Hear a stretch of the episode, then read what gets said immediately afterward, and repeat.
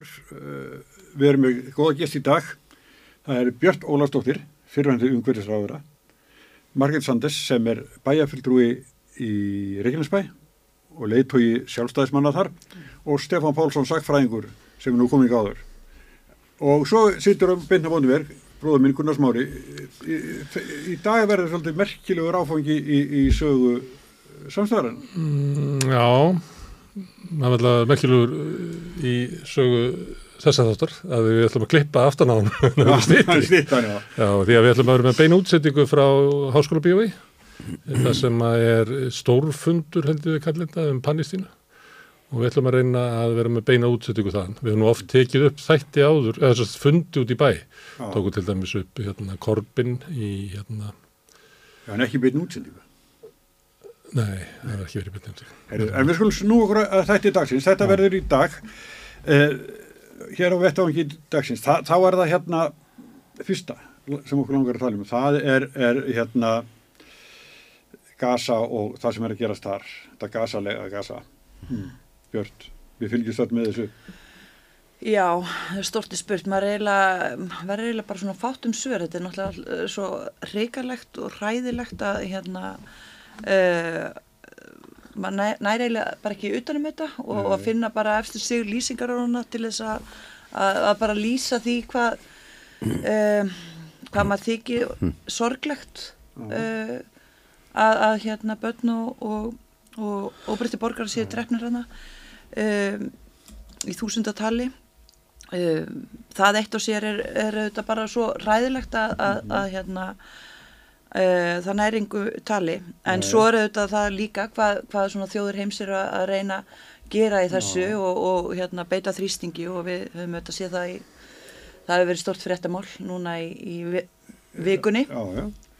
hvernig það allt saman fór þarna hjá samnöðu þjóðanum Já. og svona agentar frá Íslandi, Bjarni, Bjarni og, og, og svo viðbröð Katrínar við því sem að þar var gert Við þegar ræðum það eftir Já. betur. En þetta, hérna, eh, Margrét, þetta er alveg skelvilegt ástand að sjá.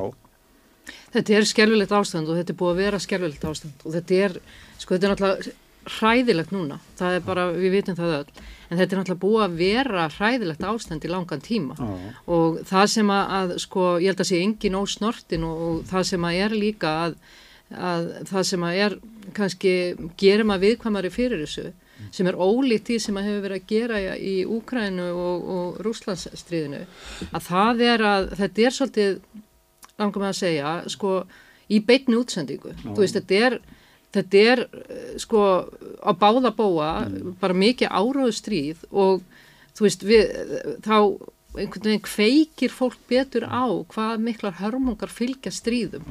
Sko, við sá, höfum ekki séð eins og í Úkrænu þar sem börn hafa verið að deyja mjög mikið líka að það sem þeim er haldið á lofti eða þú veist mikið með að myndatöku af Þetta er þeim náttúrulega þröngt svæði, sko, svo auðvelt að... öruglega þetta. og svo, en það eru þessir óbreyttu borgara sem að eru náttúrulega þeir sem að, sko, sem þjást mest og, og þannig að auðvitað er maður bara gjörsalega miður sín yfir Já, þessu. já. Grimdin er mikil, Stefán. rosalega grimm. Já og það sem er náttúrulega líka í þessu er að er einhvern veginn svo, svo, svo dapurlegt að, að maður vissi alltaf hvað var að fara að gerast.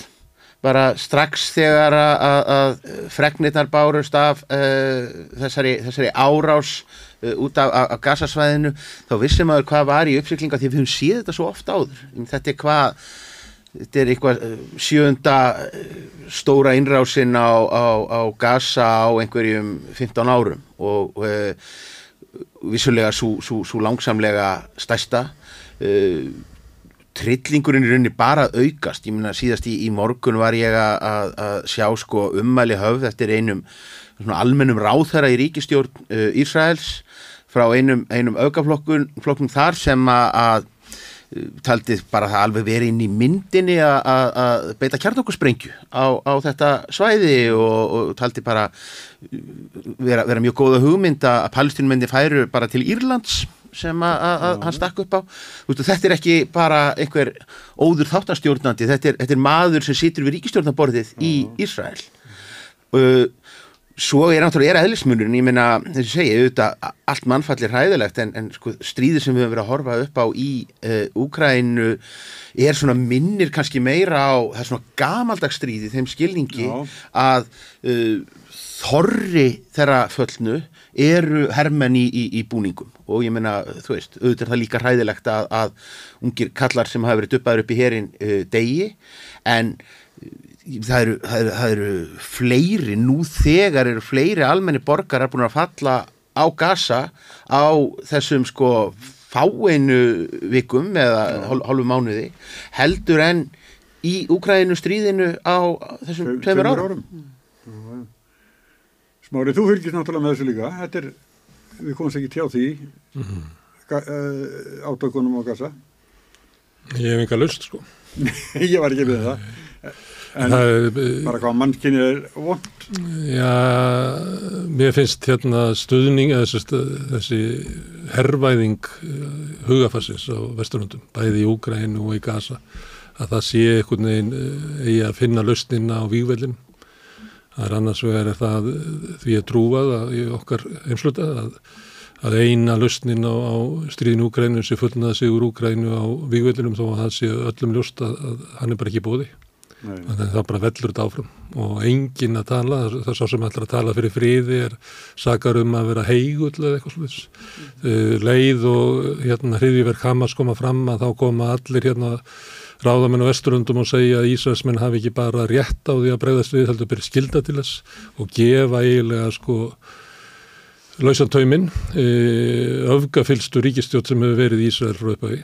Það sem eru það sem eru þú veist bara eiginlega hrun stjórnmálana í Ísrael, þessi niðurstað að standa sé gerðspiltur netinni á og heldur völdu með því að draga inn í ríkistjótt sína sko hérna menn sem að tala eins og Stefán var að vísa til.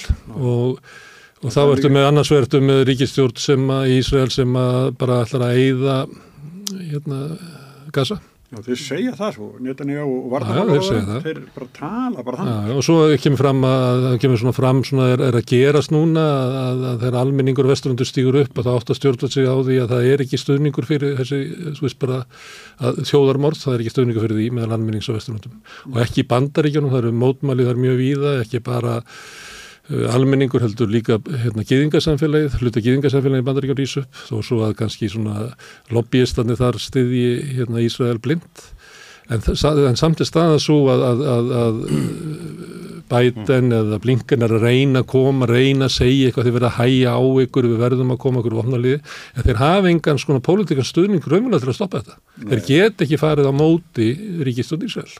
Það er bara pólitíst ómúlegt í bandaríkjum. Þannig að þá erum við bara að horfa upp á deilandi aðila það sem er ekki lausn. Það er ekki lausn í Úgrænu, það er ekki lausn í Gaza. Og meðan vellur þetta áfram. og, og við erum ekki að tala um það við erum ekki að tala um það, við erum bara að hlusta á einhverja svona herfóringi að segja að það verður bara auðvitað verður að beita þessu hörku auðvitað verður að ráðast á flottamannabúðunar auðvitað verður að gera þetta. En það er bara, það er tali fyrir friði Já, við erum alltaf að tala um það einhvern veginn og við, við erum svolítið sjokkurinn yfir þessu. Þetta er, þetta er vond. Já, er það ekki... Jú, það sem að mér, mér finnst þú uh, sko, og, og ég vil varast það sjálf að, að þykjast vera einhver, vera einhver hérna, sérfræðingur eins og svo maður dettur, uh, svolítið getur dotti í það að, að hérna, þann pitt að hafa, þykjast hafa öll svör í, og það er ekki hægt í svona flókinu stöðu. En það sem er bara svo grátlegt er að uh, að Hamas sé einhvern veginn að, að það sé í, boð, í boð, boði bara hjá þjóðum heims að horfa á Hamas sem einhverja reglif yfir Já. þjóðinni út af því að hvað, vilja, það- hvað vil hún sko hún er lítið spurð uh, og, og, og svona og auðvitað er bara þarna inn í fangelsi og, og, uh, og hefur ekkert að flýja og, og hefur ekkert gert. Það er margt sem er bendið til þess að Hamas njóti bara ágæti stuðnings með palestínu. Og meiri, hvað meiri hefur heldur en Fata sem að nýta lítil stuðnings vegna þess að fríðarleið sem að Fata hefur farið og undarátt sem í mm. vísarstjórnum verið engu skilað. Og þess vegna hérna, þegar að sterkir er látin valda yfir en veika að þá hérna, skapast náttúrulega meðalins veika vilji til harðar anstöðu. og það er ekkert uh, þá það er við sem ekki leiðið frið, það er nokkuð Þess vegna, það, það er það bílaða að styðja sko hálf trillta ríkistjórn Ísraelsmanna til þess að sko þrengja alltaf að palestinumönum og þess vegna segir mér svo Guterres sem er, er frangatastjóri saminnið þóna segir að þetta kemur ekki úr, úr, úr engu. Ég meina, það, er, það er líka meira að segja uh, það, er bara hérna þekktar, þekktar staðreindir, það er einhver, einhver sko, uh, samsæriskenningar grillur að, að uh, á sínum tíma, ég meina Netanyahu þegar hann kemur fram sem stjórnmálamaður uh, þá byggir hann sig upp sem andstæðing og slóar uh, samkomulagsins. Hann ætlaði bara að, að, að grafa undan því, grafa undan uh, tveggjaríkja uh, lausninni.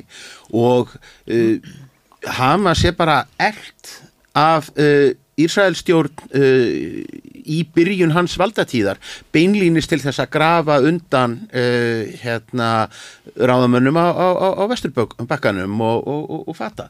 Þannig að þetta er að sjálfur sér að sumuleiti kannski skrýmsli sem að menn sköpuður sjálfur. Það er jafnljós líka, ég meina alveg á, á, sama hátt og að uh, stjórnundur Hamas gerur sér fullkomlega grein fyrir því þegar þeir sendu, sendu sínar sveitir út af, af, af örkinni hver viðbröðin yrðu. Uh, enda uh, gera þessi líka grein fyrir því að, að þetta bara mannar þeirra sveitir í, í framtíðinni. Þarna er bara magnast upp, upp heift og, og, og, og fólk sem að- missir ástvinni og, og hérna reyðir ungir menn sem að, eiga enga aðra framtíð. Þeir, þeir radikaliserast og, og uh, taka upp vopn Já. En mér finnst skrítið, Já. það sem mér finnst skrítið, eh, sk- skrítnast í þessu öllu saman er að við á Íslandi og Björk kom aðeins inn á þetta áðan að eh, sko varðandi það að vita allt um hvað er að gerast þarna og svo framvegis, talandum sérfrækana á samskiptamöðlum þá eru bara fullt af fólki að stíka fram og bara að fordama bara annarkvort hvít og svart sko og það er bara þú veist, það er allt ómulagt öðrum meginn og allt bara brjálæslega fínt hinnum meginn, sko. Þetta er ekkit svona, þetta er ekkit svart og hvít og það er sko, það er bara hörmulegir atbyrðir og við erum náttúrulega búin að bara vekja tröllið þannig eins og við segjum hjá Ísraelsmannum og þetta er alveg sva, eh, þetta er þannig ríkistjótt núna, við vitum það.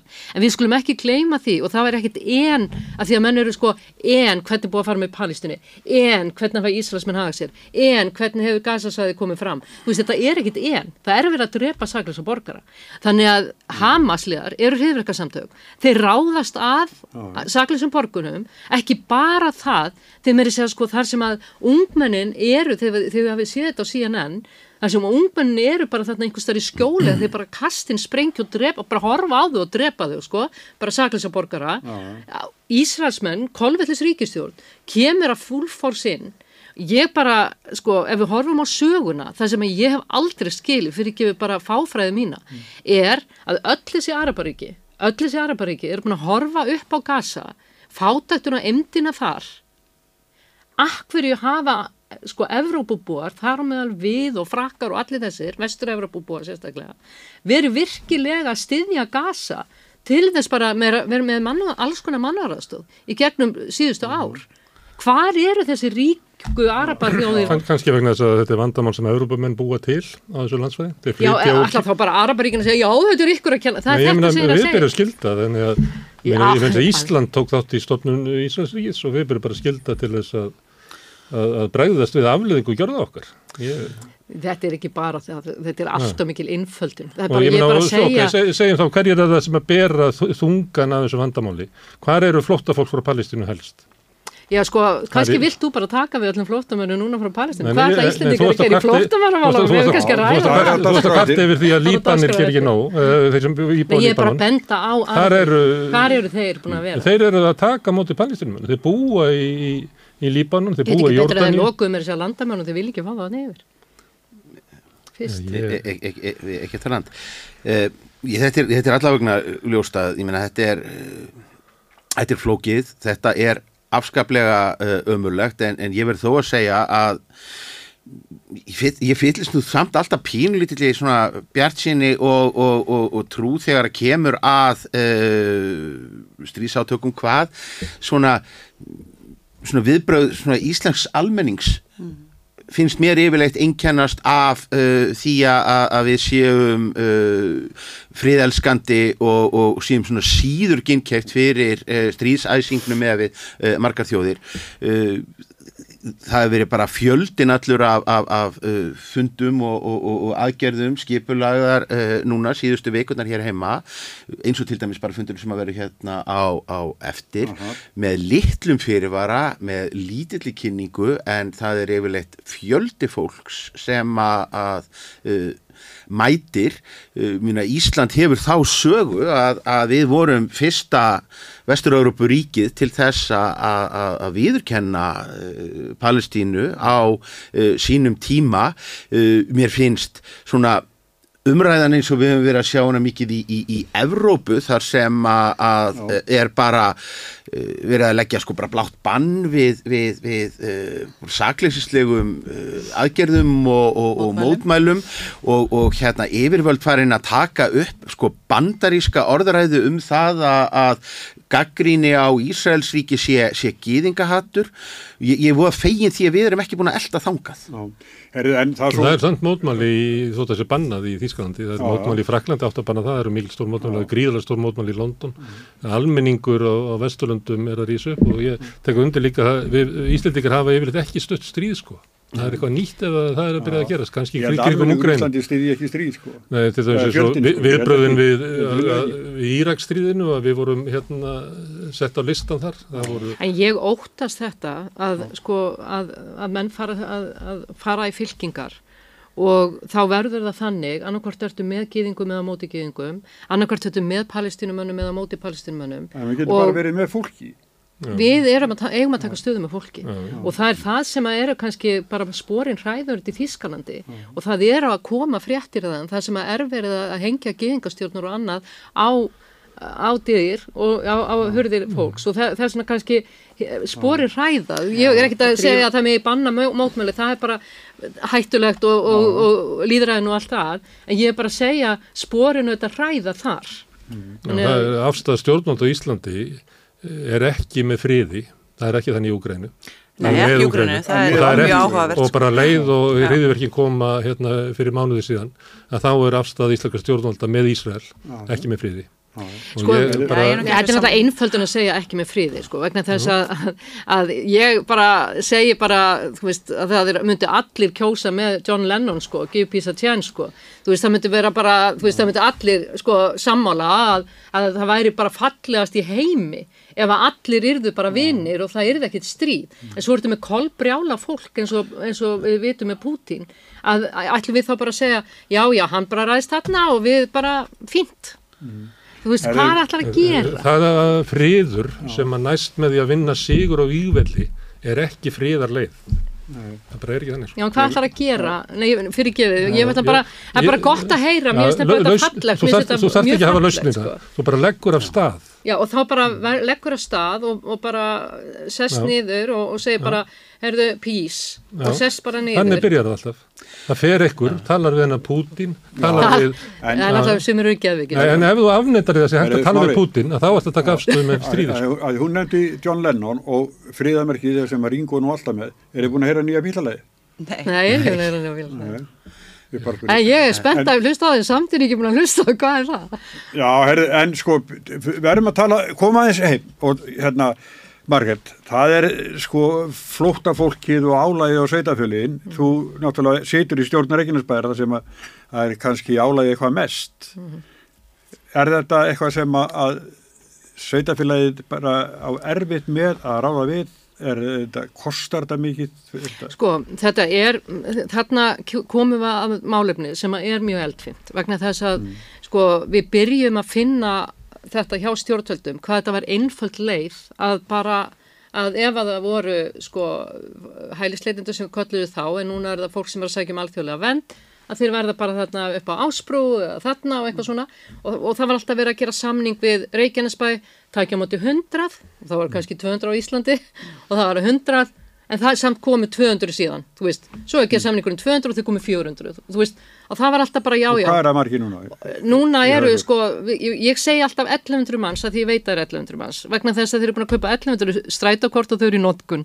Og þess vegna að því maður er alltaf að reyna að halda sig við staðreindir en það sko halda því allir fram að þetta séum 1500 manns. Þannig að þetta er gríðalegu fjöldi Já. og við erum að taka móti langt flestum Reykjanes er bara búið að gera þetta mjög vel og ástæðan fyrir að við höfum ekki ofinbelega tjáð okkur neitt vegna þess að þetta er mjög stutt á milli umræðu um þessi mál Já. og hatisóraðinnar vegna þess að menn vera átt að segja því að hátt í 30% af íbúum Reykjanesbæðar eru að erlendibergi brotin. Og Reykjanesbæðar, bara allir flokkar hafa bara staðið saman að gera það vel og það er alveg tekið eftir og, og þeir eru að fara til annara sveitafélag hvernig vera að gera þetta og svona. Síðan bætast við hælislendendur eða fólk sem er að sækja um alþjóðlega vend og það eru þetta alltaf nýjir og nýjir sem koma.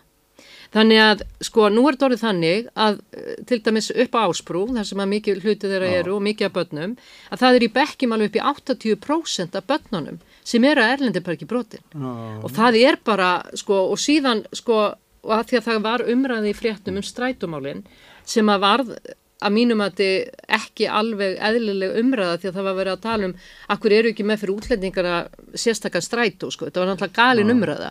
Þú gerir það ekkert. En þá þarf bara að bæta við strætó og þjónusta betur og svona. En þá er Reykjanes bara að borga þannig að það er bara já 7 miljónir á, á mánuði sem Reykjanes bara þarf að leggja það er ekki eins og peningandi bara að vaksa trjánum og Reykjanes bara ekki já já komið bara þeir sem koma vilja þá kem ég að aðalmálinu.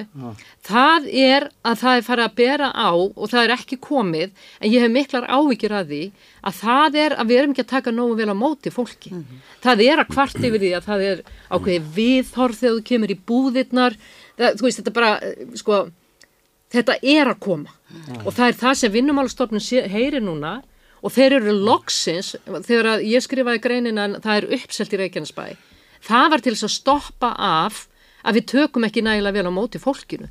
Það eru, þrýr, það eru þrjú sveitafjölu það er þið hjá Reykjavíkuborg, það er Hafnarfjörður og það er Reykjanesbæ hinn er segja bara, nei, þetta er nefnilega einmitt, ég, sko Reykjanesbær ánáttúrulega alveg heiður skili fyrir hvernig hann hefur staðið í þessum málum og kannski verið auðvelt fyrir kerfið að fara alltaf í þau sveitafélög sem að hafa tekið við flestum því þar sé svona reynsla og þekking og þá uh, svona, Ferlar. kun, ferlar og svona, það, það, er, það er alltaf þægilegast að, að, að uh, gera það og ég minn sérstaklega eins og Reykjanesbær sem hefur líka verið með sko uh, atvinnuleysi, það eru lægri meðaltekjur þar heldur en hjá uh, mörgum sveitafélugum hér á, á, í þessum, þessum landsluta og það er náttúrulega bara ekki nógu gott hversu mörg sveitafélug bara ætla að vera stikkfrí og hafa ekki, vegna þess að þetta er þetta er algjörlega viðráðanlegt verkefni ef að, allir hlaupa sagt, undir, undir bakka uh, og, og hérna bara, bara ástæða til þess að,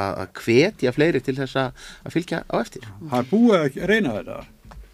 Er það ekki? Jú, það, jú, það en til marga. sko, til dæmis Kópavóður, þar sem er stjórnað mínu flokki og, og gert vel, að það er sko, að, að ég samt brost út í annað sko þegar þið gerur samningum 101 flótamann sko, eða taka á móti sko fólki, fólki í samanrætta mótöku að það er 101 og þá geta þið sagt, já við tökum á móti á annað 100, Þú veist, þetta er 101, nei alveg, það, sko mér finnst þetta sko, á meðan er Reykjanesbær með sko 1100 og við erum færri heldur en þeir sko íbúar. Þannig að þetta er náttúrulega Þetta er sko galið. þetta er, Já. en sko talandum það að þá skulum við líka átt okkur á því að það er líka málsmeðferðin, málsmeðferða tímin hann er á langur og sko ef að menn ætla að spýti þar þá þurfa menn auðvitað að horfa líka til þess þar sem að við erum, erum komin í vandræða með. Það eru börn sem eru í skólunum þau eru fann að aðlagast. Svo loksins kemur niðurstaða og þá að senda þau í burtu. Og þau eru fann að tala málu og þau eru fann í íþrótnur og svona. Þannig að málsferða meðferðartími þarf að- að þarf að flýta honum. Og þá komum við af svona atunumálunum að það er, það er mjög margir sem haldaði fram, okkur vantar vinnuafl, okkur færi þetta fólk ekki að vinna? Og þá komum við að mjög stóru atriði. Við eigum bara ekki að taka á móti öllum, við, þetta er neyðarkerfi en þá getum við bara vika vinnulöngjöfina en það sem að hefur verið sagt og ég get alveg tekið undir að sem stjættafélun hafa sagt í gegnum tíðina, það verður einhvað breyst núna að ef að við vikum vinnulöggjöfuna erum við þá með of mikið að vinnuefni sem streymir inn og vondu atunreikundir sem að ég er ekki sammálu sem vondu atunreikundir en það er oft sagt sko að þeir fara að reyna að vera með ódýrt vinnuafl. Þannig að þetta er ekkit svona einfalt. Þú getur ekki bara eins og Venezuela bara sem dæmi að sko að menn sögðu sko hvað er að því að þeir kom inn sem hælisleitundur akkur megar ekki bara vinna? Þú veist, okkur vantar vinnuafl. 80% þeirra er fann að vinna. Já, já. en 300 manns er á velferðarkerfinu en þá. Þú veist, þetta er, Já, já, já, já. þetta er, sko, þetta er ekkit svona einfalt sem að ég get sitið hérna og sagði bara já, já, leiðum öllum að fara að vinna eða já, tökum á öllum eða ekki og svona, sko. Nei, en oft eru verkefni bara erfið en við förum samt í þau sko og, og það, það í þessum má, málum, útlendingamálunum ef við bara, bara leiðum mér að setja svona hattu við þau, þá svona ægir öllu saman eins og þú ert að nefna í þessari umræðu og það er mjög vond og, og það er samt mjög gott að finna að Íslendingar svona, svona almennt segja bara hvað er að, akkur má þetta fólk ekki vera hér, uh, leggja til samfélagsins, akkur má mega mín börn ekki njóta þess að læra af, af börnum hérna við hlið í, í, í skólastofunni sem koma frá ön, öðru menningarheimum, vikar þeirra sjónt þetta ring og, og, og, og, hérna, og við virðumst vera daldið svona sammál um þetta að við tökum því bara fagnandi Íslendingar og það er mjög verðmætt og við eigum ekki að missa það. Og ég er sammála þér að, að það er samt við erum, við erum búin að eiga erfiða tíma þegar hérna fyrirverandi og, og núverandi dómsmannar á þeirra hefur verið með ný útlendingalög og þau komist í gegn og svo þurfa, þurfa sveitafélagina einhvern veginn að taka við boltonum og, og í sama flokki en, og, og það, fólk er ekki sammála. Það er augljóst að þetta er ekki nógu vel gert Uh, en á meðan, og þá held ég sér gott að gera eins og þú einmitt nefndir áðan, aðeins að fara bara ú, upp í hérna varandi sko stríð og frið upp í hérna 10.000 fettur og segja, býtu hvað viljum við? Er ekki gott að hafa markbreytilegt samfélag?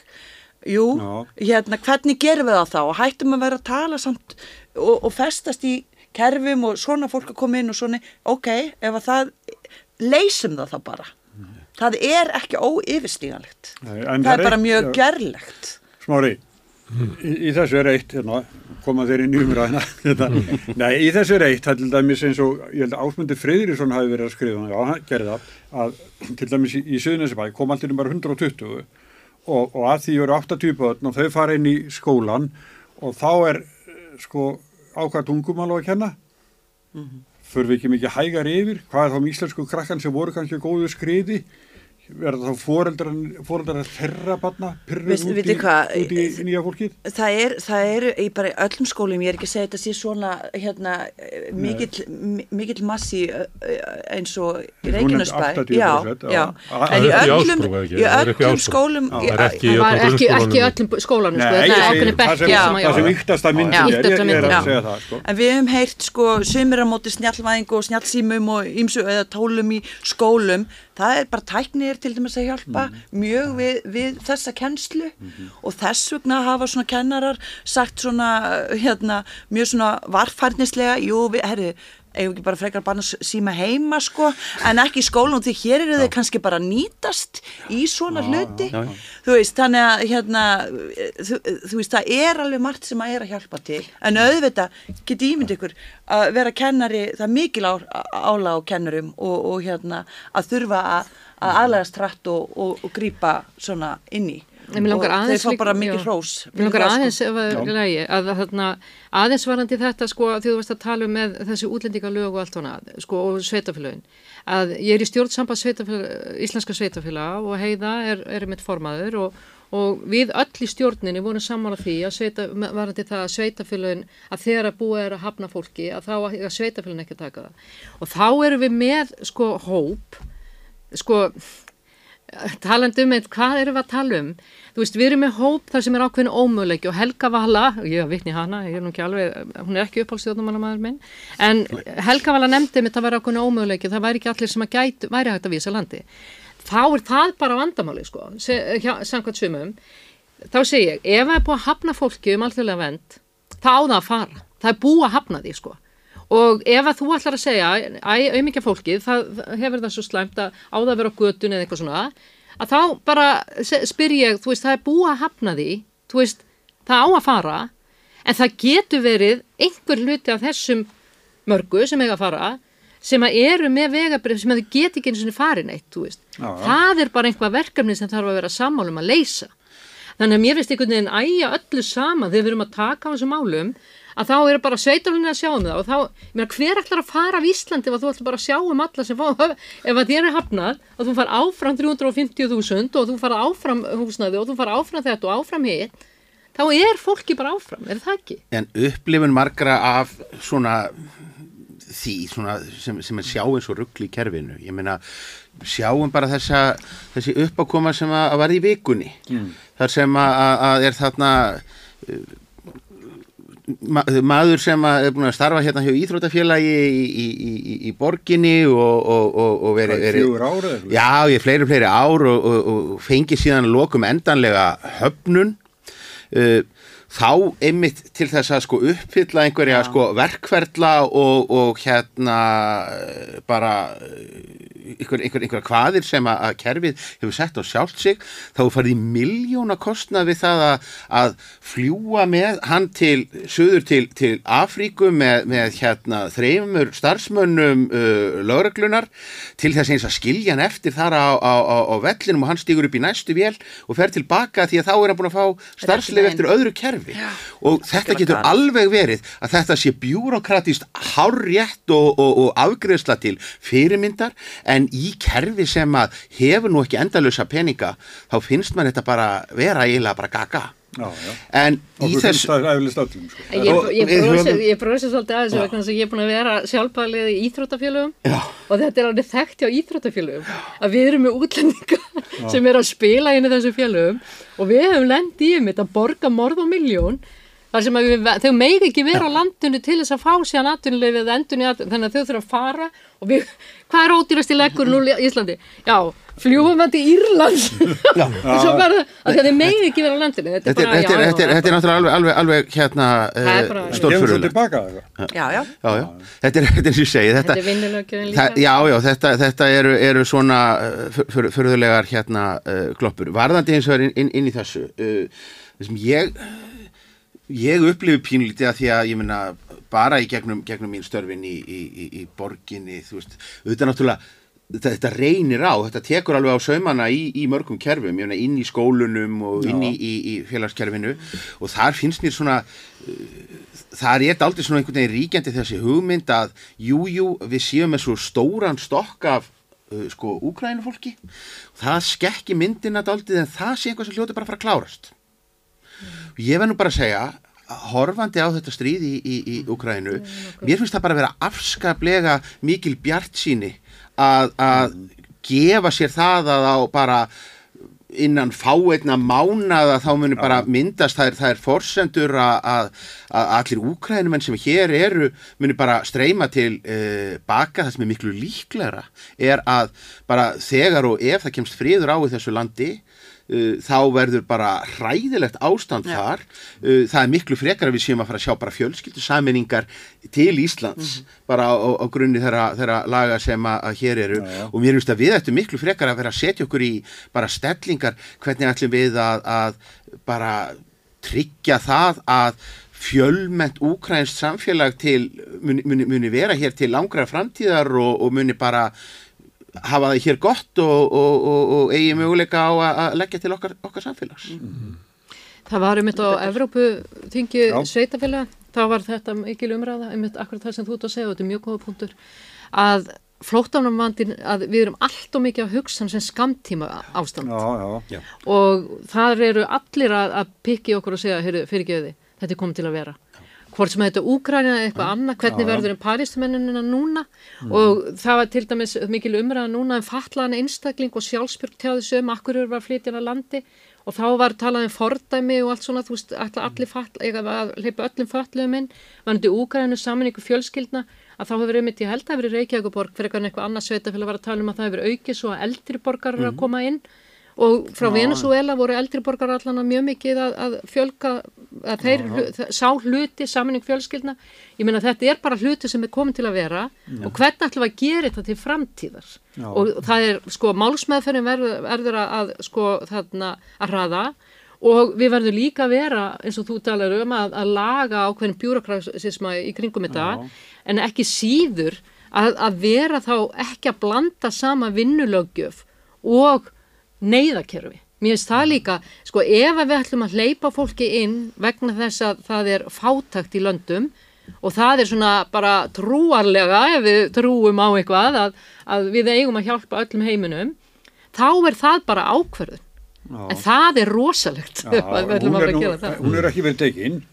En herri, við verðum að skipta yfir í En það er bara að því að vera að tala um uh, flóttafólk frá Úkrænju. Ég fletti bara hérna upp að, að það er að berast með sama hraða núna og var áður. já. Þannig að það er það, er ekkert að minka og þannig mun það örgulega verða því að náttúrulega flótt, flótt, landsflótti frá Úkrænju er búin að vera í 30 ára undan stríðinu sko. og það er eh, hérna, líkutin á því að það fólk bara hverfi síðan aftur heim þegar við erum búin að vinna Pútin er náttúrulega bara Já, nei, Mér ég var landi í rúst meira og minna sko. Já, en mér finnst bara skipta alltaf máli í þessu samengi sko, við erum að verða erum að taka stórt stökk í að vera hvað 400.000 og erum lengi, eh, okkur fjölkaði bara ekki neitt heila í, í svona þannig laga að séð, ekki hratt allavega. Og við, við erum svo stórt land. Við þurfum að vera miklu fleiri sko til þess að halda uppi hérna, bara sköttum fyrir samgöngur, fyrir spítala fyrir allt þetta sem við viljum gera vel. Þá þurfum við fleiri vinnandi hendur. Þannig ég held að útgangspunkturinn auðvitað ymsar flækjur og allt á hvaða kerfi og bla bla. En ef að það væri bara útgangspunktur heyrðu, við þurfum fleiri hendur. Uh, hérna, er það ekki bara stefna? Og tökum vel á móti fólki hvort sem það kemur hérna meðinin eða þarna meðinin og allt það. Út af því að eftir endur þetta eiga þá er það eitthvað sem að sko Íslendingar græði ekki síst á sko. Já, líka því að vera að tala um, hérna, álag á grunnkerfinu og annað slíkt að, að ég dunda mig við þetta reglulega að, að kanna sko hvaðan kemur aukið álag. Og ég tók bara frá eigafellagossi þegar þegar ferðamanna ströymurinn byrjar að koma að þá, síðan þá hefur íslensku ríkisborgurum fjölgað um, um 27% mm ferðamönnum og þá er ég að tala um bara þau sem eru sofandi eh, Já. núna í nótt sko, það er ekki sko 2 miljónir heldur bara hvað eru margir að meðaltali á, á svæðinu. bara, það eru 22% aukning. og þeir sem að erlend verkafólk sem kemur hinga til þess að sinna ferðamennunum að það er 51% og það er, það er hérna, álag á grunn 20% af af, allri fjölgun frá því að ég fjalla jökul byrjaði að gjósa. En flóttafólkið, það er bara 1% en það er alltaf verið að tala um álægi á grunnkerfinu okkar á, á skólana, á vegina heilbriðiskerfið út frá okkur flóttafólki. Svo tekum við flóttafólki í, í tvenn, það er annars vegar þeim sem hefur verið sérstaklega bóðið hingað í Íslandsku stjórnvöldum sem er úgrænu fólk og lengsta var það áttið að við Venezuela líka. Og það er náttúrulega bara fyrirhyggjuleysi stjórnvald að, að, að vera ekki undirbúin að taka mótið í fólki. Þeir sem eftir eru, sem öll umræðan snýst alltaf um, sem að koma hingað eigin vegum, að þau eru 0,2% af aukningunni. Á hverju eru við alltaf að tala um það eins og það er lausnin á því að henda húsin húsin úr landi eða palitísku áttabarna móðurinni eða, eða vallaverði þróttar að flytja aftur til Ghana að það sé ykkur laust til þess að mæta auknu álægi og innviði á Íslandi. Þessi umræði er eitthvað alvarlega út í en, móa. en þetta dreifist, álæði Nei, dreifist ja, síðan er það sérstætt sem, sem sem við verðum að tala um hér, sem er álægið hvernig við tökum á móti flottafólki. Já. Og mér finnst það að koma fram bara í, í því sem þú ert að segja, að það er svo, ég hérna, nota oft leiðilega líkingu, sko. Það er svo, hérna, Ríkistöndin hafi bóðið hellinga fólki mat, svo kemur það í mat og það bara er ekki sem að kaupa í matin, sko. Og það, það verður að vera þannig og álægið á, á ferðarþjónustunni og svo kemur það ofan á hérna, flottafólk álægið á húsnæðiskerfið mm. kannist þið við hafi verið eitthvað gert í því Nei, ekki neitt Nei.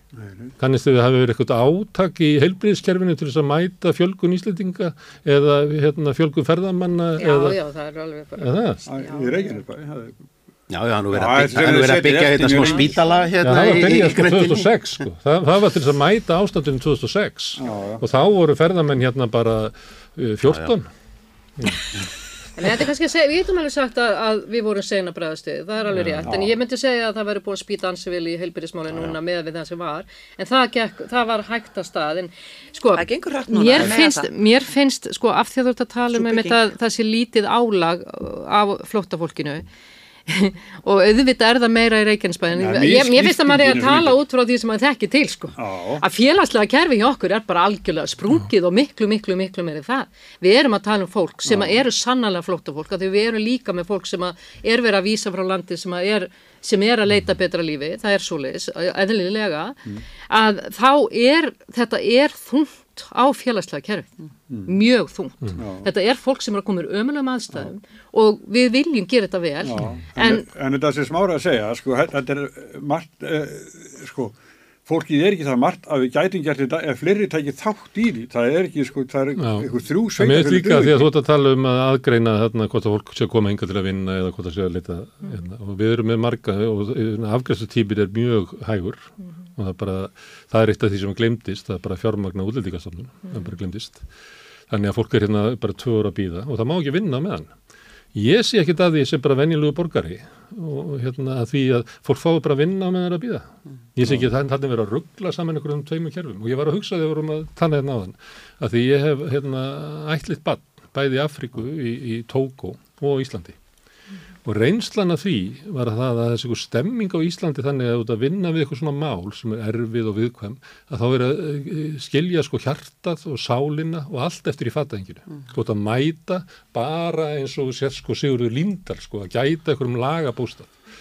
Þegar maður mætir sko stjórnsýslinn í Afríku sem er náttúrulega er, þú veist, uh, allt ann- annars konar kannski líkar því sem var hérna kannski fyrir 1980 eitthvað, að þá mætir fólk hvort öðru eins og manneskjur og reynir að, að, að hérna, hlusta á það, heyra það. Hérna erum við eins og við höldum við sem fagleg og sem já. betra fólk með því að sjá ekki fólki sem við erum að tala við. Ég held þetta sé líka bara eitthvað svona siðferðslega kreppa sem að við erum í sem samfélag. Það varði líka dálítið stór breyting í útlendingakerfinu hjá okkur þegar að Európa-sambandi stækkaði til austurs réttur í síðustu aldamót.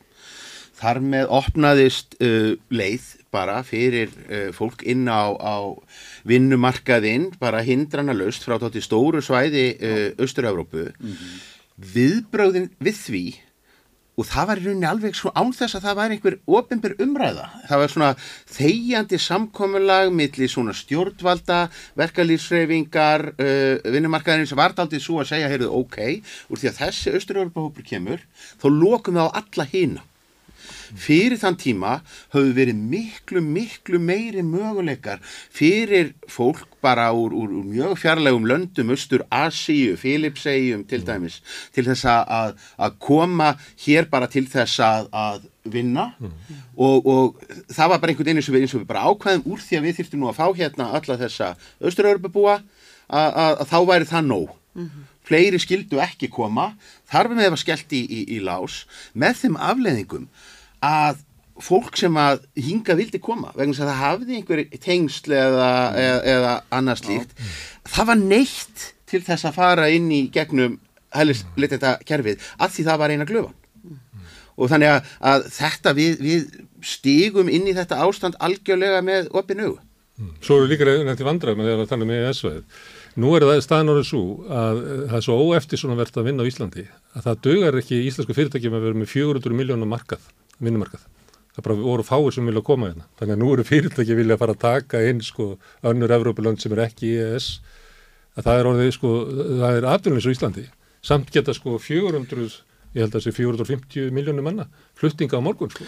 ég meina, ég, Við ég, verðum ég, samt að, sko, við erum Íslandingar og, og, hérna, og það er ekkert Ísland fyrir Íslandingar svo sumur að segja núna. Ég held að það sé bara bílun að tala svona.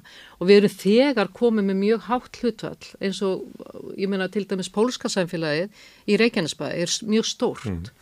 Og við fagnum því bara. Og það eru, sko, já. að mestu leiti aðalagast fólk.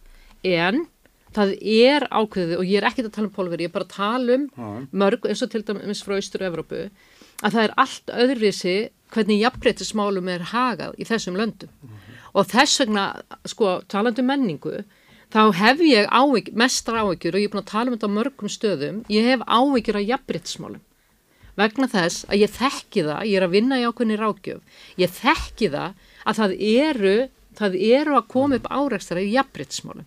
Þar sem að það þekkist í sumum löndum ekki að kona er yfirmaður þinn. Að þú ert ekki að ung kona að fara að segja einhverjum eh, sko miðaldra kallmanni fyrir verkum. Það bara virkar ekki svoleiðis. Nei, nei. Þannig að, og ég veit bara nokkur dæmi um þetta og það er sko, það er eitthvað sem að við þurfum líka og bæði aturrengundur og líka stjættafjölög og allir þurfa bara að segja við erum jafnbrytstofélag og þetta eru gildin sem við vinnum eftir og við þurfum svolítið að standa í lappirna saman í þessu. Og þannig að ég veit ekki hversu mikið það er einhverju aðri sem geta svara því hvað mikið hvert þjóðfélag þólir og á hvað hraða að blandast en ég, ég fagna fjölbreytileikunni ég meina ég er búin að búa svo mikið erlendis eða í útlöndum meina ég að, að sko ég fagna bara fjölbreytileikunum. En það er hvert þjóðfélag það hlýtur að vera einhver mörg á því hversu hratt þú getur Alltaf það ætti fólk að ræða um það. Við erum að slá ykkur með sko í fjölgun Já. hérna. Við erum komið nálagt bara svisslendingum. Og ég veit ekki hvort það hafi verið í sviss að þú finnur það bara að þú lappar um göttunar að það er útlensk lástjætt og svo eru svisslendingar sem eru sko herraþjóðin. Já, þú vilt þetta og við viljum það ekki. Þannig að en, en við Ég held að við höfum að ræða um eh, hérna, fjölgun innflytjenda hérna, Eh, við höfum að ræða um íslenskuna, við höfum að ræða um menningun okkar og við höfum að gera það, en því miður þá hefur svona umræðin svolítið verið tekin upp af þeim sem er alltaf að tala um þetta sem svo gaman að svo mikið að nýjum resturöndum og eitthvað svona, sem er bara hróka full afstæða um að sé ykkur útlendinga sem er að vaska upp fyrir því matinn og þess svona eftir að borða mat frá öðru þjóðum, verðum að losna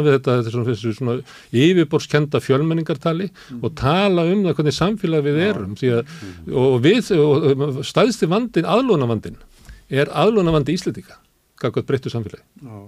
það sem að ég bara er að heimta að Ísland sé bara eins og var 1970 eða eitthvað, ég veit ekki hvað er good old times hjá sumum mönnum er. Eða bara að það sé allt í lægi þó að við sleppum íslenskunni. Því ég meina þarna eru tveir pólar sem að við þurfum kannski bara að, að stoppa af hvora áttina sem er fer Ég sætti mér náttúrulega við þetta því að bara Íslandingarnir er ekki til staðar eins og ég var að koma með pizzu í, í, í, í keflaðið og, og það eru tvær konur, eða stær, unga konur að aðgræða mig og, og all, öll viðskipti fóru fram að ennsku þannig að ég let það ekki tröfla mig. Túrisminni á Íslandi er náttúrulega ennsku bara.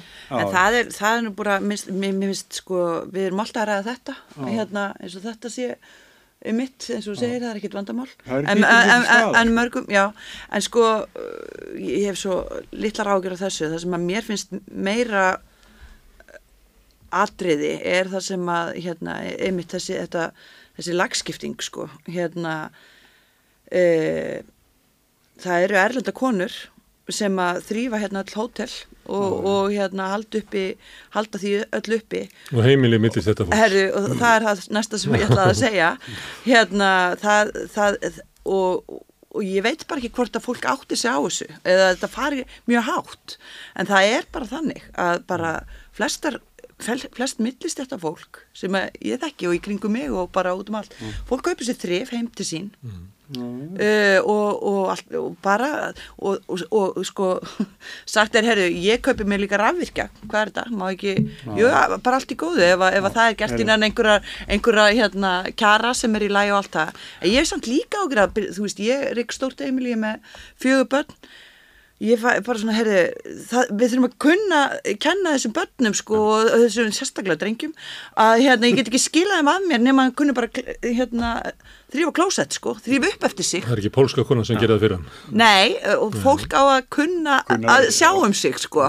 Og hérna, ég hef smá áhyggjur af því að við sem að búa til bara lagskipt samfélag þar sem við bara út af því að það er svo leiðilegt að kenna börnunum okkur þetta og þetta er svo mikið tuði okkur. Þetta er- og ég ætla að hafa eitthvað annað betra að gera Ég ætla alltaf ekki að láta neitt skúra heima hjá mér á rafvirkjataksta. Ég held að það það myndi nú ekki fara vel. það kæmi heldur ekki Nei, það myndi ekki gerast. Það, þetta er, það, það, það er líka þetta. Ég meina, ég, ég er að- að að fylgjast með sko drengnum mínum sko spila fótbolta. En, en sko samsetningin af uh, krökkunum sem ég sé inn á, á vellinum hún endur speklar ekki þessa lífræðilegu samsetningu þjóðarinnar því þetta eru hvítu millistjætta strákarnir sem að eru að, elda uh, boltan við erum, það er mikið verið að skoða þetta bara til dæmis í uh, íþróttakerfinu og ég meina í, í borgarkerfinu hjá öllum, öllum sveitafélögum hvernig er hægt að, að sko draga þessa þjóðfélagshópa þannig að, að þetta séu börn sem að, að- njóti sko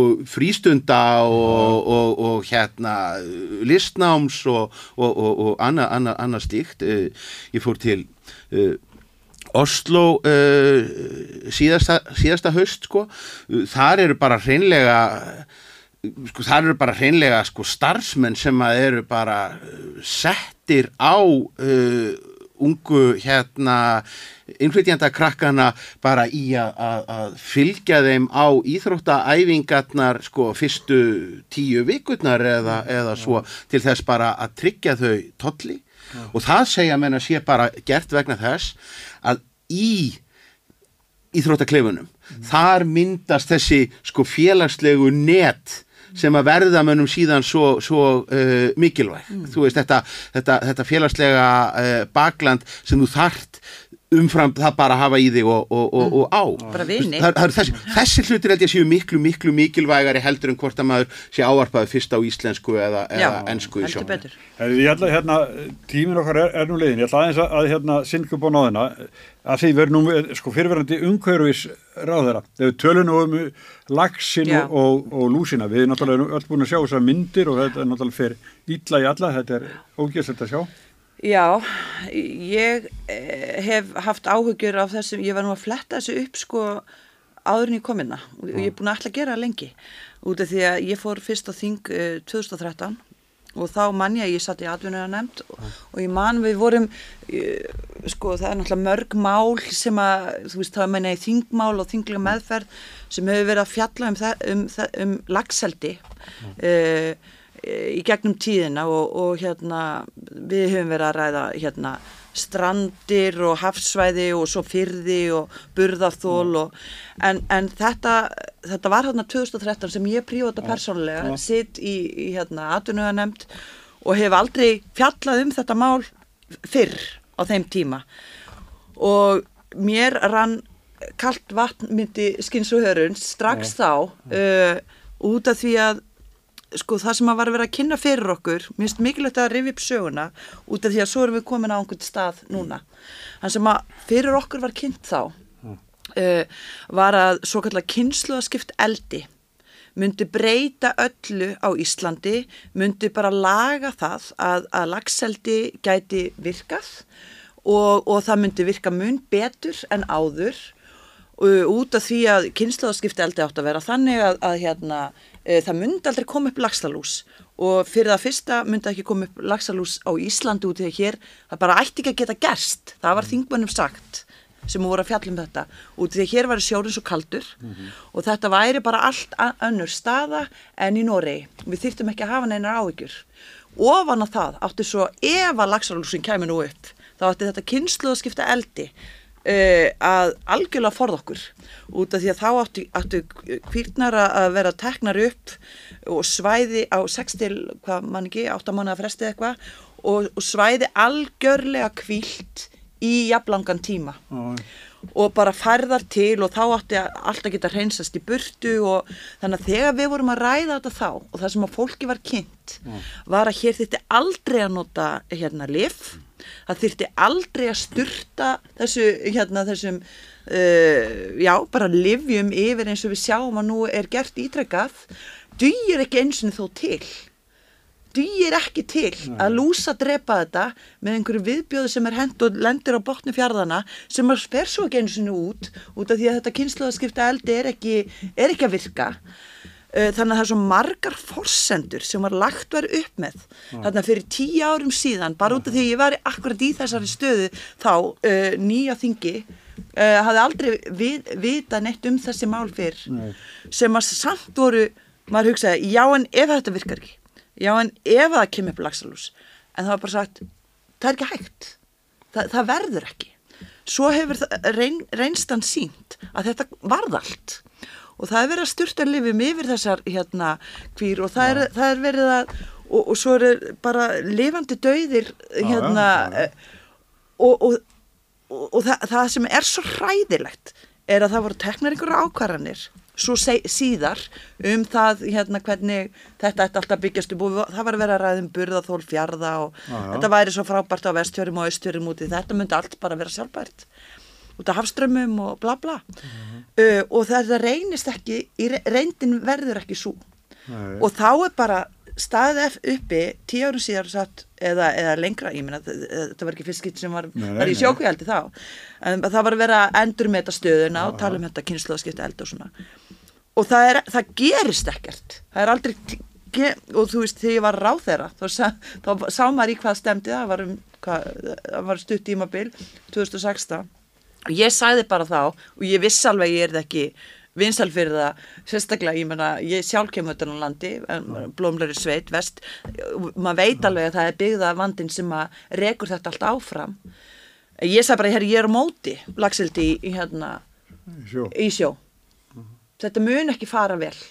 Og ég var ekkit vinsal fyrir það. Nei, nei, út af landi en ég gat bara ég bara, ég bara gerði það. Það, það, það og ég vil bara ég vil segja sko margir þingmenn við svona voru mjög uggandi.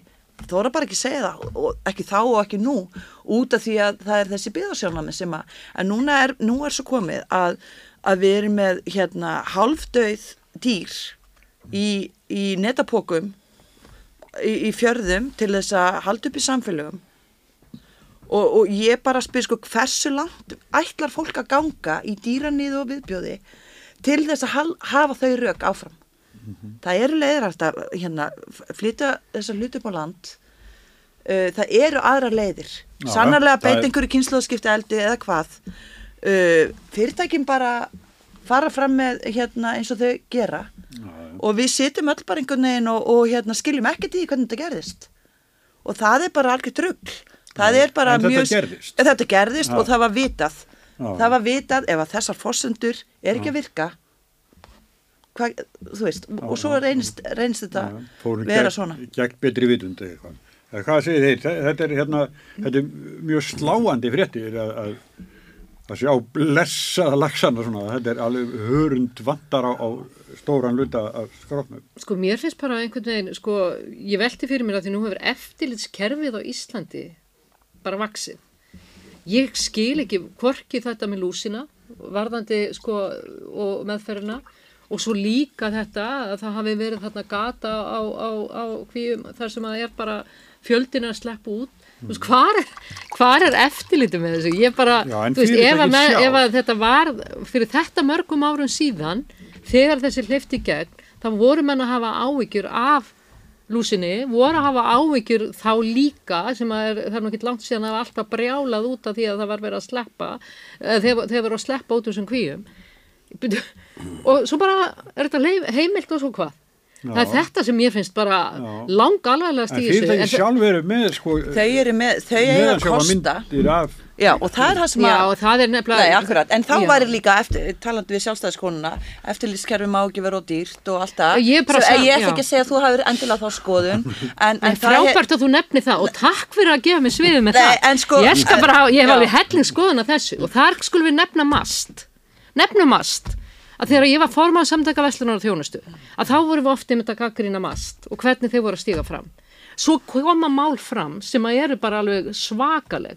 Dæmi þar sem að menn voru með ákveðna framleiðslu og aftur og aftur og aftur voru það að fóra rauðaspjaldið og alltaf fengur að halda áfram og þá var ég myndur að segja eftirliskeru hvað að þá voru við alveg, heyrðu fyrirgeðu það eru þrýr aðilar hérna sem er í sömu framleiðslu og er að gera þetta sama annar alltaf voru auðarspjaldið hini tveir alltaf í lagi og var jafn ofta að koma á alla staðina það eru kannski bara lögin ekki skrifin og vel sko, ég held að nei maður við þurfum bara að reyna að vera með skipulagið í um lægi það þarf ekki að fjölga eilíft. Það þarf bara skipulagið í kringum þetta. En það, það er mjög mikilvægt einmitt sko varðandi þetta því að nú er landeldið að auka svo brjálæslega Já, já. og, þarna, og við þurfum þá að vita ég er ekki, treysti mér ekki til að segja um verða einhverjir sjúkdómar þar höfum við einhverja áhyggjur þar og svo framvegis, Hvar, hvernig er það út í heimi og svo framvegis, en menn hafa talað um að þetta sé betra, en þetta er bara hlutur sem að verður bara að vera í lægi ef við förum að Já, stað með já. þetta En ef það er upp á landið þá kannski, ef eitthvað illa fer þá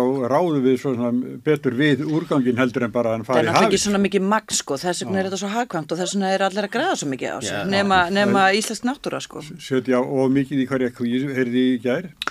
Já, já, uh, sko, ég meina ábyrðin, ég meina ábyrðin er fyrirtækjana. Ég meina það, það er, og ég held að, sko, ég vil hörðustu, sko, stuðningsmenn uh, landsbyðarinnar og fólk sem bara vill mjög gjarnan að- þessi grein sem hefur bara verið mjög mikilvæg uh, fyrir vestan, þar sem að ég vil, munir bara byggja hús í fyrsta sinn bara frá því á skuttóra hérna uh, tímabilinu.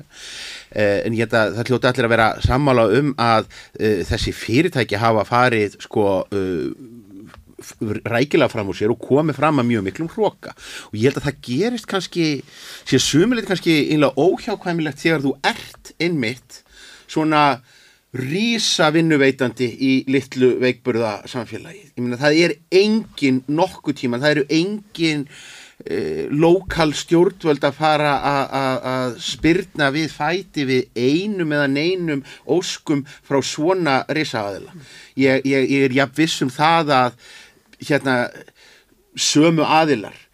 Hérna, hérna, hérna fyrir sunnan á stærri atvinnusvæðum þar sem að, menn geta leift sér að- velja og, og hafna, þeir hefðu ekki gengið fram með, með, með sama hætti. Og þetta er náttúrulega bara hættan sem að fylgir þessu. Þegar þú ert með mjög stóran fisk í, í, í hérna lítilli tjörn sem er þetta óhefilegt líkingamál í nákvæmlega þessu. Já, ég, En Ríkisendur skoðun kom með skýslu Já, um að það hefur verið staðið mjög illa þessar uppbyggingu staðið illa eftirlitinu. Lagasetningunni líka. lagasetningunni og bara öllum sviðum. Ég fór hérna um sunnaverða vestfyrir fyrir einhverjum árum og var í fylld reyns uh, fiskaldismanns og hann var að segja, hann var að halda því fram að væri hægt að vera með strandeldi en það veri ekki stund að þarna sko þetta væri það verður ekki stundar, nei. Nei, það er ekki stund að þarna segja. Þetta er bara sorglegt mál vegna þess að þarna er koma, þetta eru norsk fyrirtæki sem koma hérna, þau vita að þau munu vera þarna um takmarkaðan tíma. Allur reksturinn snýst um það að framlega bara eins mikið magn og mögulegt er á skömmun tíma því að, að þetta mun ekki ganga upp. Já. Þetta sérðu það að hvers konar framleiðsla er það hjá uh, fyrirtæki sem er með lagsin sin svona. Þetta er varan sem það ætla að vera að selja á markað. Þannig að þarna er í gangi eitthvað svona gullgrafaræði, þau vita að þau fá ókjöpis fyrðina. Þetta eru, þetta eru, hérna, þetta eru eiginlega bæjarlöndin á Patrísfyrði og Tarnafyrði og eiginlega þetta bara bærin væri bara með þetta. En það koma einhverjur þarna utan að koma þetta með peningin, þykjast koma með nóháið, augljóslega koma er ekki með nóháið því að þeir eru ekki að gera þetta vel og þeir bara koma og móka þarna upp einhverju framlýslu, selja það og þessi maður sagði mig, þetta er sko, ef að þú veist að besti lagsin er eitthvað hérna á verði út í heimi, þá er að selja þetta eitthvað hér sko. Þetta er bara ekki góð vara sko sem er að framlega. Þannig að þá er hugað með fyrir þessu, til hvers er það að þessu? Til ég meina, getum við ekki, getum ekki byggt upp betri atvinnugrein heldur en þetta? Já, Ég meina Íslandingi borð, borð ekki þennan lags sko. Nei, Það er bara að maður fyrir út í fiskbúð úr landeldi stendur sko. Hérna, ef maður ætlar að kaupa lags. En eða bleikju út af því að, að hún er ekki svona feitur og, og bara, þú veist, það er miklu bragð betri En sko. okkur eru við svona Það frumstæði, okkur tekst ekki að byggja upp atvinnugreinar nema að fá hérna einhverja hérna, norska lukkurittara, gefa þeim fjörðin og þeir búa eitthvað til. Hvað, hvað, hvað, það getur leysið þetta hjá Íslendingum? Get ekki bara búið til hérna, alveg ég ætla ekki, sko, ég er mitt, var, fór eins og þú hérna Mm. um Sunnavera vestiri og, og ég er þaðan, hann frá Ísafri og kerið þarna um þessi dásalu þorp eða bæi sem eru þarna og það er, það sem að er af þetta áhugjefni, það er að, það er sko, þetta er svo einsleitt atvinnlíf og það er það sem við erum í raunin að falla í grifina með að, En að það er stór. samt margt annað að gerast. Í lasum daginn að, að sko, af því, nei, en sko nýting á hótelum á vestfjörðum.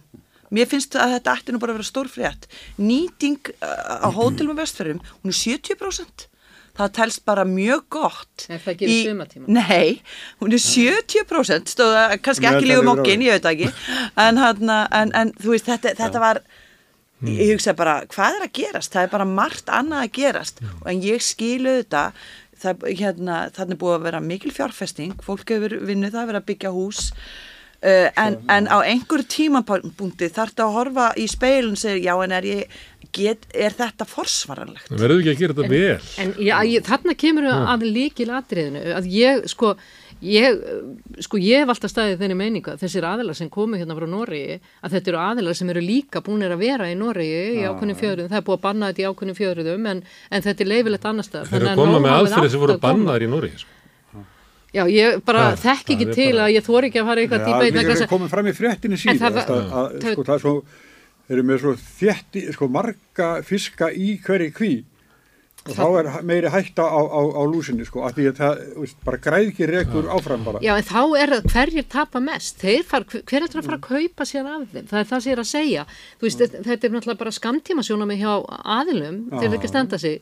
En ég er er ekkit síður að segja þetta að þegar að, að svona heimildir eru þá hlýtur að vera eitthvað kerfi í kringum þetta. Þetta er, Mm. þetta er brjálaslega mikið þarna á vesturum, er þetta ekki sama fyrir austan. Mm-hmm. þannig að þetta er þú veist, ég, ég átta mikið á hvernig þetta getur grassir og svo, ups Já, eða já. akkur kemur sko gat á kví og það bara ups myndavörnum verður ekki í gangi, ups þú veist, þetta, get, þetta, það virkar ekki Eitthvað svona. ljós, Svo er það var eitthvað ljós sem að var slögt. Svo er líka ágætt fyrir okkur kannski hafa líka í huga að sennilega gildir það nú um flest allan uh, massa yðnað í matvæla framleiðslu að- að að- að fæst af því þólir það nú alveg að, að, að það sé verið að, að, að rýna í það. Farið þeir inn í svínabúin og, og, og, og kjúklingabúin og, og, og annað slíkt. Við erum að breyta miklu því, sko. þetta eru þessar Já, svona ég er nú algjörlega ósamála sem- þarna ég held að Breytingarna standa yfir, sko. Að setja- breytingar hafa einhverju hafa einhvern aðlöðun tíma en ég, við vorum hérna með fórustu bændasamtakarnir þá voru þau einmitt með þetta Já. að ofan á annað sko í rekstinum að þá er þeir að borga þeim lánum sem að Já. fó, fóru í þetta stækka húsin og, og þetta saman. en heyrðu, við erum búin að stela talsverðum tíma þannig að hér segjum við sér lóki það er Björn Eins gott að gaus ekki á Reykjanesi. Ha, Eins gott að gaus ekki á Reykjanesi. já, er, er eitthvað að fylgjast með því? Nei, það er ekki eitthvað. Ég er ekki búin að opna síma núna ég er búin að vera en við höfum ekki talað um það eins og sko. Nei, nei. Heyrðu, aðal málinu Já, já. Nei, það er óvissan, sko. við Það vitum ekki, það en við bara vonum það besta, því, við sko. ekki af okkur hittan. já, já, Já, herru, Björn Ólafsdóttir, Margrét Sandes og Stefán Pálsson, þakka okkur kjalla fyrir komuna, þetta var fjöru og skemmtileg braða, en Gunnar Smár, þú situr eftir. Já. Og þá segjum við, sko, augnablíks... Smá hlém og svo höldum við áfram.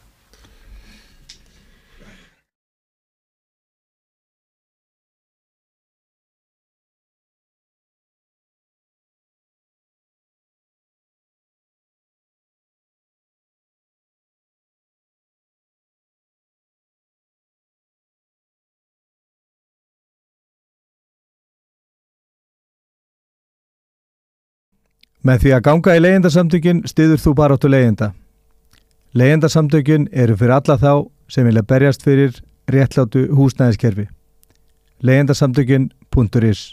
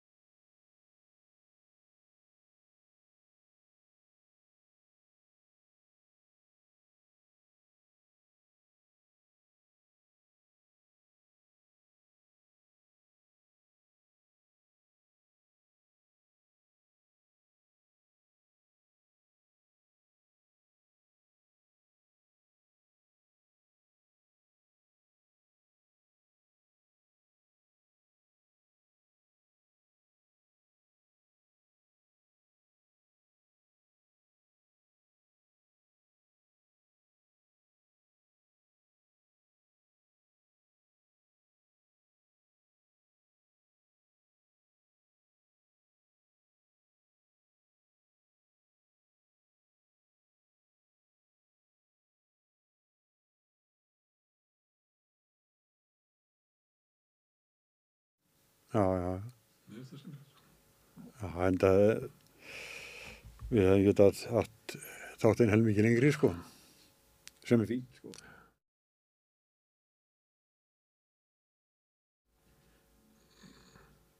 En hann segir bara sjálf á sig. Það er ekkert skildi. Þetta. Það byrjar. Nei, þegar skildi fer. Mm.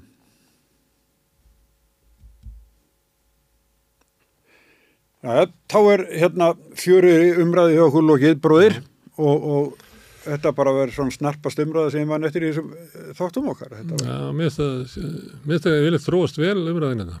já, Hún er ekki svona bundin alveg svona fréttum og yfirleitt út frá einhverjum fréttum þá spinnst svona umræða um svona tiltekin svona samfélagsmál já, sem að eins og var hérna, til þessum innflytjendur hér og, og svona, svona mér finnst þetta mér finnst það hérna, gott enginn á þættinum.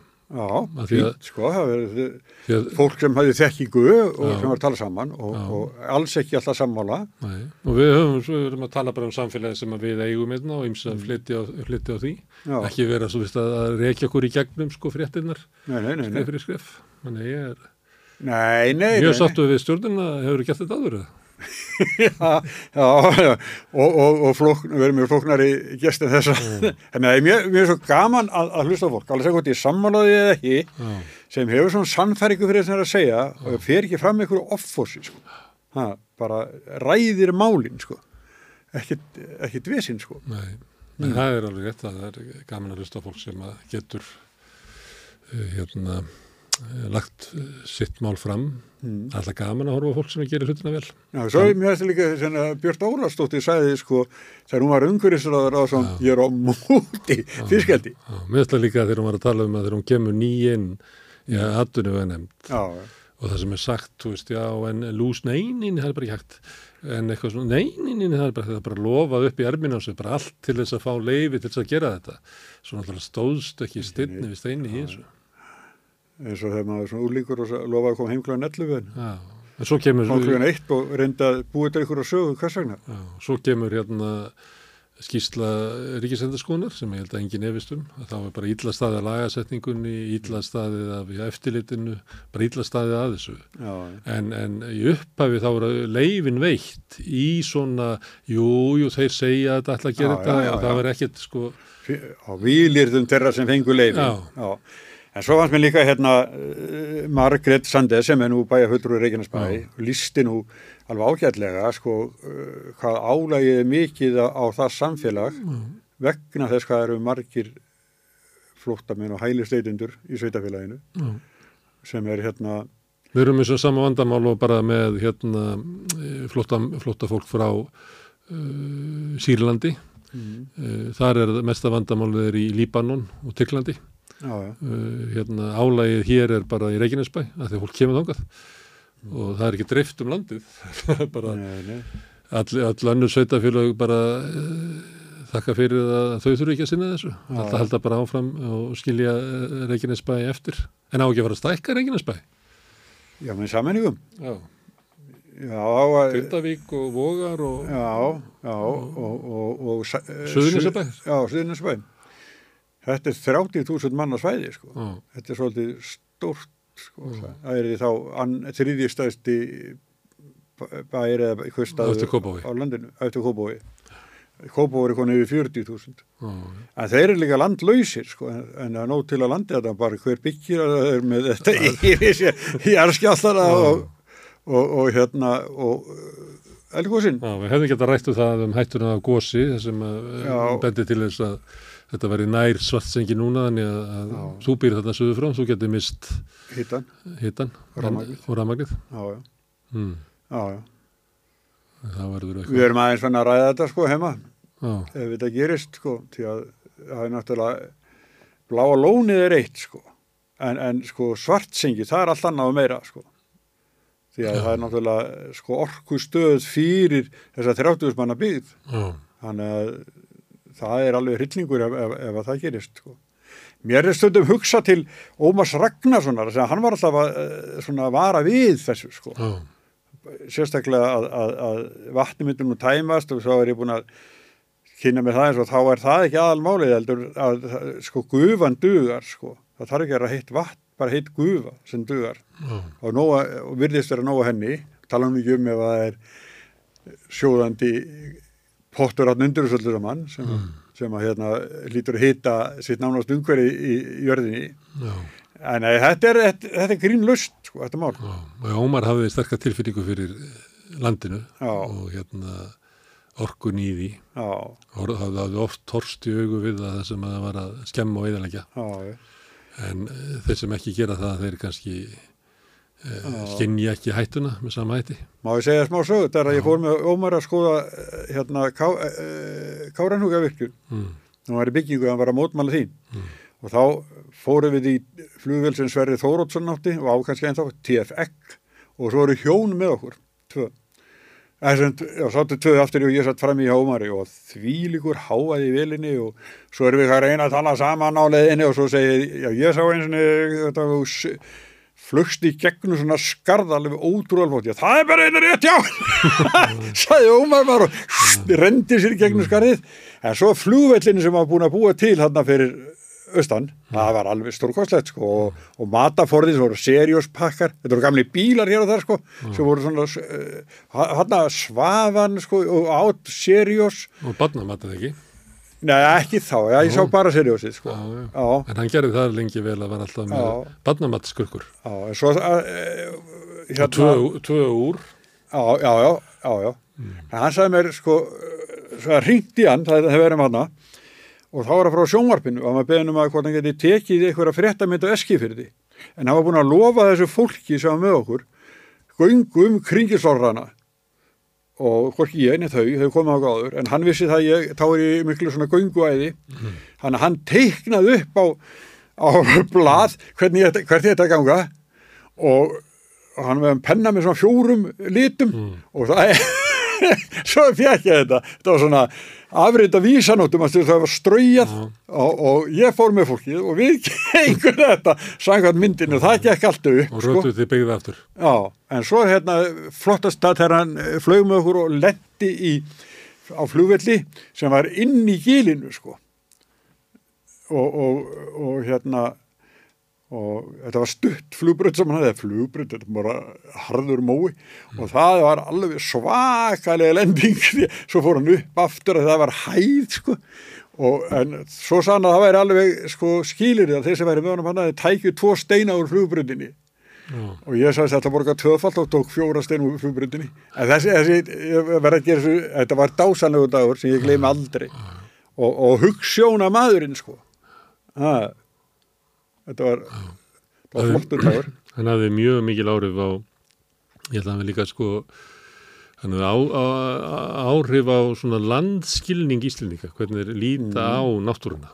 Já, já, og mikið til er já, hann talaði hana bara inn í, í fólk. Já Enda- með stiklu þáttunum sínum. Stiklu þá Já, bara alveg frábærir, hvernig við sko. upplifum Ísland. Hvernig við upplifum náttúruna. Já, og, og kynnt okkur sko fyrir svo mörgun hlutalansi sem við sem ekki um og bent okkur á.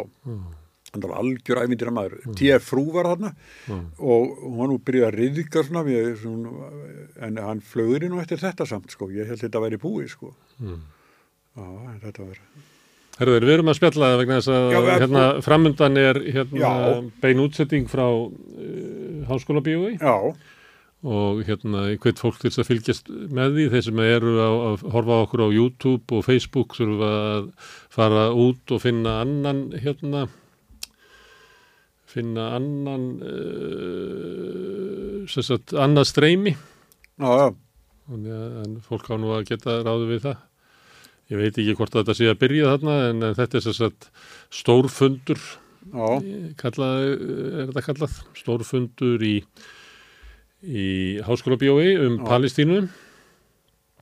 Og hérna já, þarna eru verið er- ávörp, fundastjóri er Steinei Skúladóttir, leikona já, já. og þarna verið ávörp frá, það Hjálmtýr Heiðdal, formaður eh, félagsins Ísland Palestína. Já, Anna Lúðvíksdóttir, frangaðstóri Amnesty á Íslandi, já, Kolbrún Birna Hallgrímsdóttir Backmann sem er lögfræðingur, Viða Þorstisson sem er heimsbyggingur og, og er eh, hérna, starfsmæður eblingar já, og Júsef Ingi Taimimi sem er hjúkurafræðingur.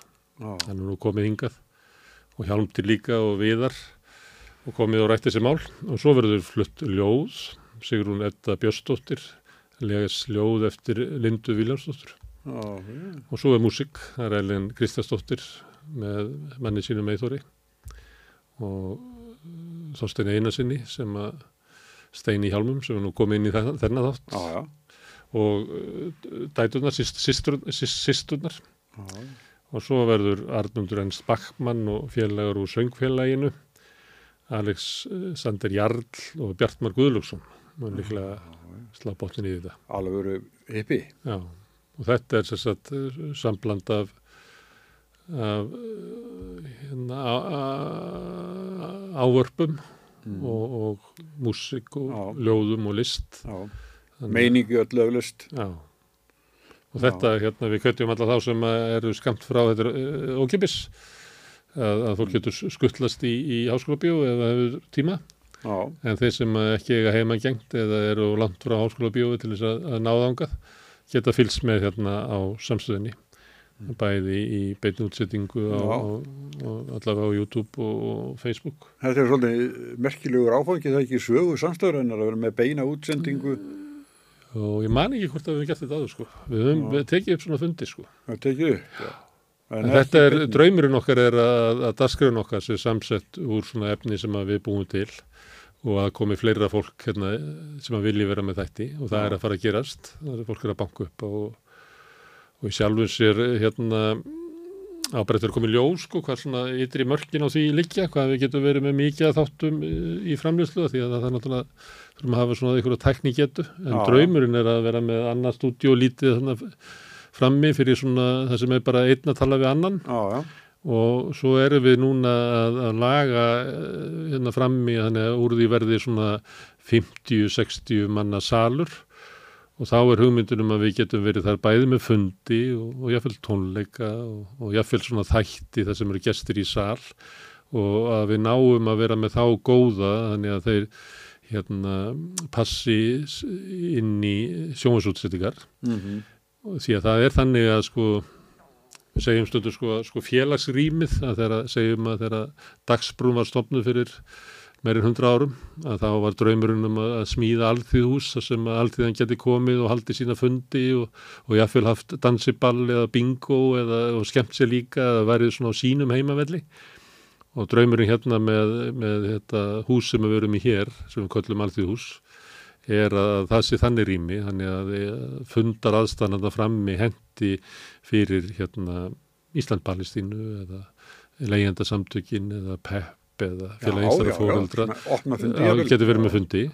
En, en félagsrýmið er ekki bara það sem að þú kemur í holdinu, heldur er félagsrýmið allt neti líka. Já, já. og þess vegna er að sumuleiti mætti líta á samstöðuna sem framald af húsinu skilur Já, eins. þannig að þetta er eiginlega svona samblandaði að vera upptökusalur sem örður hérna frammi og hérna og fundasalur. Já, og þegar við byrjuðum til þess með rauðaborðið að þá var maður svona frasa og sagði að þetta er alltaf stæðsti fundurinn okkur en degi. Þegar fólk er að spyrja hvað eru margir að horfa? Þá vorum við bara á Facebook. Þess að ég get alveg sagt að þetta er stæðsti fundur sem er haldin í dag. Það voru flesti sem eru að horfa. Þá er ég svona að leika mig við það að, þú veist, er þetta fjölmiðlaefni er, er þetta fundur? Til dæmis það sem við vorum með hérna áðan. Já. þá vorum við bara að hittast og sömuleiti hefðu við geta bara sagt þetta væri panel uh, fund, fundapanel skilur þannig að þetta er svona já, já, já, þannig að allt því húsið þarna frammi og síðan uh, hérna uh, stúdíu hér. Mm. þetta er bara til þess að geta verið með umræðu um, um samfélagi sem við erum í og aldrei fundi. En svo uh, að því að við erum að tala um beinútsettingur háskólabíói þá er líka svona draumur í því að við getum sko farið út í bæ og sendt frá fundum. Við gerðum það á sínum tíma, já nú mann ég það. Sem ég var alltaf að því út að segja þetta séð tímamót. Að því við hefum gert þetta áður sko. Þegar við vorum með mótmælin hérna eh, við fólki í landinu eh, á Östuvelli, Bjarnaburt mótmælin og sem spurt Já, já. þá sendum við beint út. Það fór bara ekki nógu langt, er það ekki? Nei, það fór ekki nóg langt. Og þá vorum við með útsettingu á, á Facebook og YouTube held ég. Og þá sá maður sko að, að það voru kannski 2000 pluss á, á Östuvelli en svo sá maður að það voru kannski bara 4000 sem að horfðu á þetta á netinu sko. Mm. og þannig er sko félagsumhverfið í dag. Þannig að, að þú getur hort þú getur náð kannski ykkur fólki saman á góða fund en, en me, ef þú ert ekki með hérna, net útgáfa af honum að þá ertu kannski að neyta tvís og þrís og svona starri hóp að fylgjast með. Já, hérna fyrir langa lungu þegar ég var á fréttastofu Ríkisútvarsins, Mm. þá var þátturinn hér og nú, öðru í sennanir núna. Já, og, og, og hérna, ég held að hann hafi verið einu sinni í viku, ég maður ekki, og svo var verið að tala að þetta væri svo lítið ára á þetta, nei, á, eh, fá sem hlustuðu. Já, og við spyrum, hvað margir, þá var það eitthvað þetta 5-6 þúsund og þá var ég að segja það er ekki lítið, það er 5-6 háskólabíu sem var að hlusta á þáttinn, já. það er ekki lítið það er bara mjög mikið. Herðu, Já. nú er staðan svo að ég fer hérna inn á Facebook síðu samstöðarinnar og kveiki hérna á. Já. Og þar er verið að syngja þannig að það það bara. er kveðju við og Já. þökkum kærlega fyrir okkur hérna eh, þökkum öllum sem hafa staldra hérna við og hvet ykkur til þess að, að fylgjast með útsettingu samstöðunina frá Háskólabífi þið finna hana bæði á YouTube og Facebook allavega Góða skemmtur Sæla sinni.